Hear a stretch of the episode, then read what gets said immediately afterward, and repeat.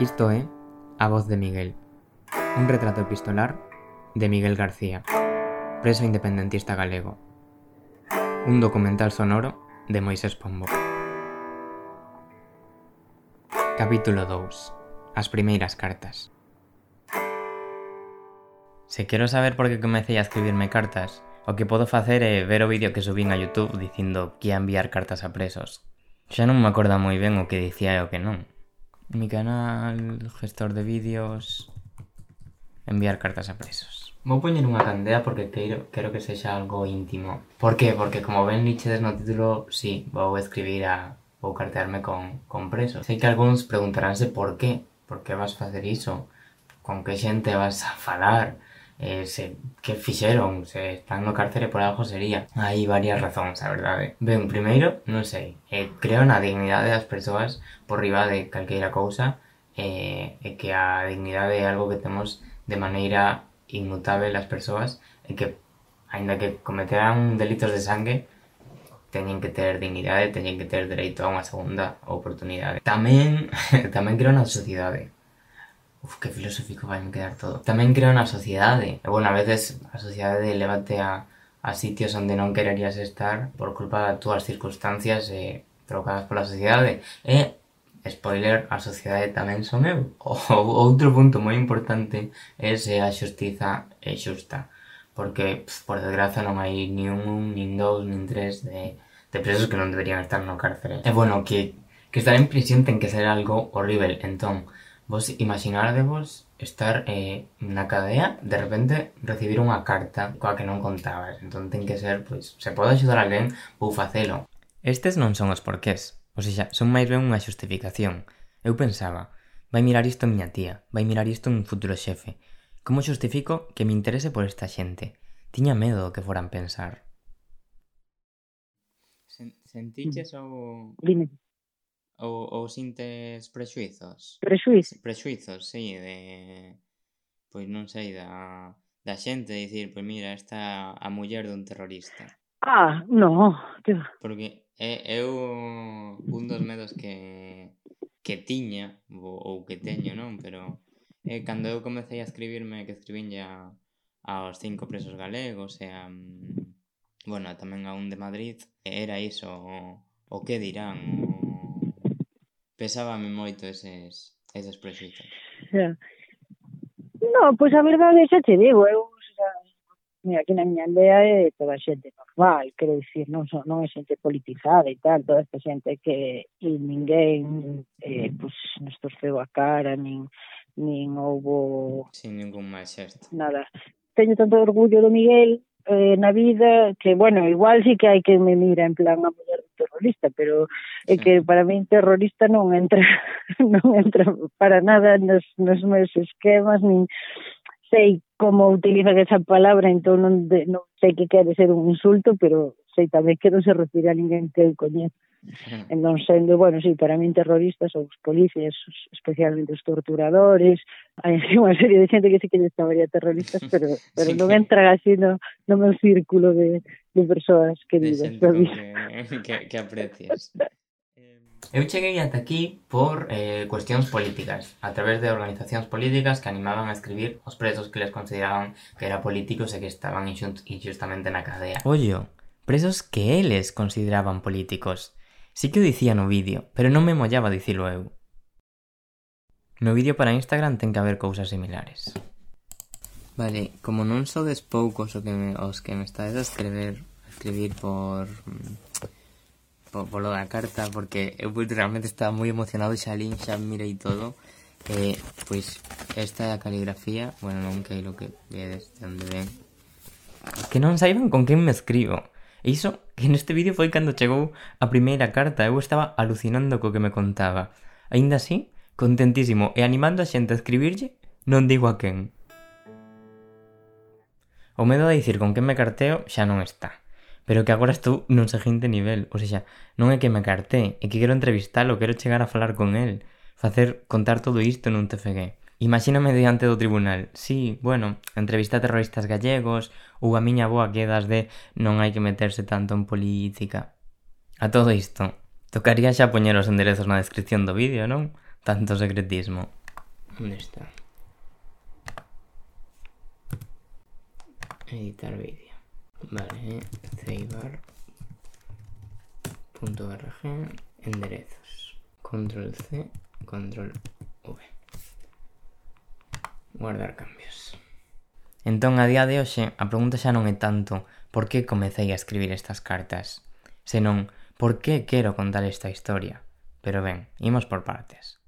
A primeira carta que lle escribín foi completamente impersoal, case van sen nome, ou seja, foi un dos seis os que lle escribira, pero unha das cousas que primeiro coñecín foi a súa caligrafía, que como el di, O carácter persoal da caligrafía di de quen escribe tanto ou máis que unha foto de perfil. No vídeo de Instagram remarcaba as cousas que me sorprenderan da primeira carta. O sea, defende o que o, o, o analóxico o, o escribir tinta sobre papel e pon... Estas cartas son pequenos tesouros que poderemos conservar para sempre. Reparache que tal vez os teus netos lerá un día esta carta e os meus a que tú me escreveche?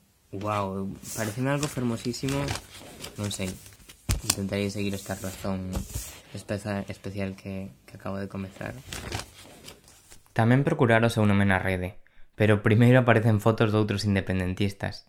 A súa foto aparece nun chío de Ceibar mal recurtado e coa estreleira detrás, nun chío en ruso ou en grego. Non entendo por que Google posiciona antes o Twitter nun idioma raro. O que se atopo nas primeiras cartas é unha curiosidade pola cadea, pola prisión en sí, Pregúntolle pola súa morning routine. Teño xa unha barreira xeracional importante impedéndome comprender cual é o sentido de que a xente se grave almorzando para ser vista por miles de descoñecidos. No cárcere as rutinas están moi pautadas. Acordo por volta das sete e media. As oito pasan polas celas para facer o reconto, para o cual xa hai que estar vestido. De oito a oito e media fais a cama, ordease e limpase a cela, e despois vais a se almorzar ao comedor, As nove e media eu entro nun taller de actividades no que traballo con barro quase toda a mañán, aínda que tamén podo ir á biblioteca ou ao gimnasio, facendo un descanso de 11 a 11 e media para tomar un café, e iso todo. Pregúntolle como xustifican esa negación de dereitos que me conta, sempre acompañado de «Perdón se pregunto moito, non quero molestar». A existencia de presos políticos é unha evidencia. Ilústrocho con unha anécdota. Ao entrar na prisión de Soto de Real, os tres compañeiros detidos fomos distribuídos nos tres piores módulos da cárcere, módulos conflictivos, susos, barullentos, sen biblioteca nen talleres. Cando pasado máis ou menos un mes ven falar comigo o educador, o carcereiro que deseña e faz o seguimento do tratamento penitenciario, a conversa foi asín. Miguel, ves no teu expediente que és licenciado, que agora te matriculache na UNED, que en principio non é unha persoa conflictiva. A verdade é que non me cuadras neste módulo. Xa, Pero claro, eu non podo cambiarte, porque en casos como este decide seguridade, e eles atenden a outros criterios con vos, porque porque somos presos políticos.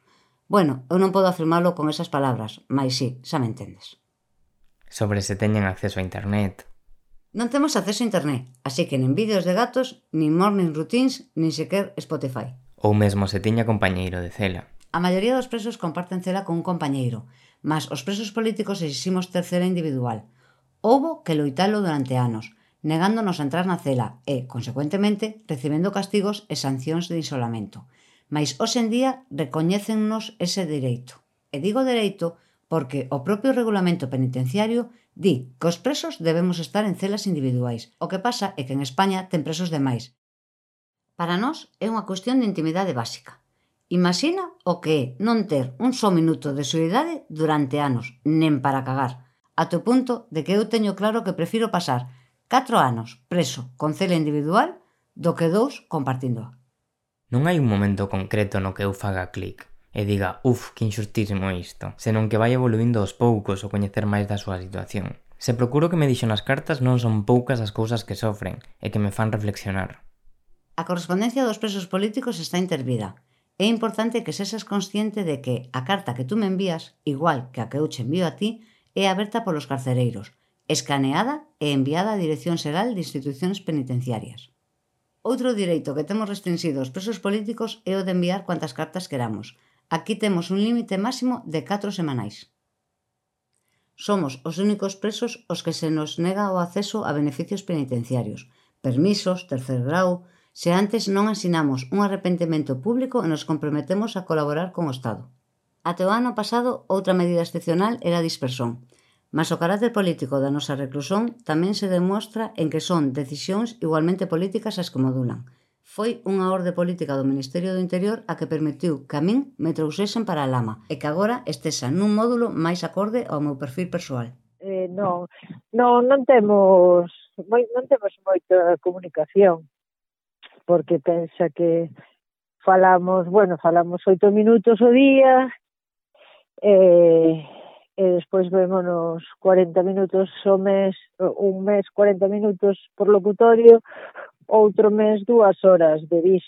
Esa, eso é no que se resume agora mesmo. Bueno, e aparte o que escrevemos por carta, pero en as que as cartas son moi intensas, eh, non teñen moito moito conteúdo porque escrever unha carta me leva un pedazo entón, pois, Como tamén me marcou o compromiso co que fala, que teña tan claro que está a facer o correcto. Cando eu replantexome todo na miña vida, ata se teño que tomar postre. Na actualidade, enfrento a prisión coa cabeza moi alta, sabedor de que polos cárceles españois e do mundo enteiro teñen pasado algunhas das persoas máis nobres e xenerosas da historia. Por que está o Miguel na cadea? Bueno, polo seu compromiso político tamén. Buscando sobre a resistencia galega, tamén atopei un vídeo que saía en as rúas a preguntar se os galegos temen ou non a este grupo terrorista. No, creo que esta organización, si la policía funciona como, como sabe funcionar, 15 días. No, por lo que pueda pasar en una noticia, que ya te digo, no estoy al tanto sobre ella, no quiero decir que en Galicia tengamos un problema de terrorismo. No creo que sea tan alarmante. La sociedad gallega no manifiesta temor y el sentir mayoritario es de que no hay un problema de terrorismo real en Galicia. É bastante gracioso porque buscan como a máxima neutralidade política. Unha testemunha que confía na policía, outra que desconfía dos medios e a funcionar. O máis preto que estivemos a maioría de resistencia galega foi dunha pintada súa. Como pode haber entón tales condeas? A resposta a isto, e a máis, tratarei nas dachar no seguinte episodio. A voz de Miguel é un documental sonoro autoproducido e autoeditado por un servidor, Moisés Pombo. Podes atopar máis información, contidos e as transcripcións ao castelán en cartasacadea.gal.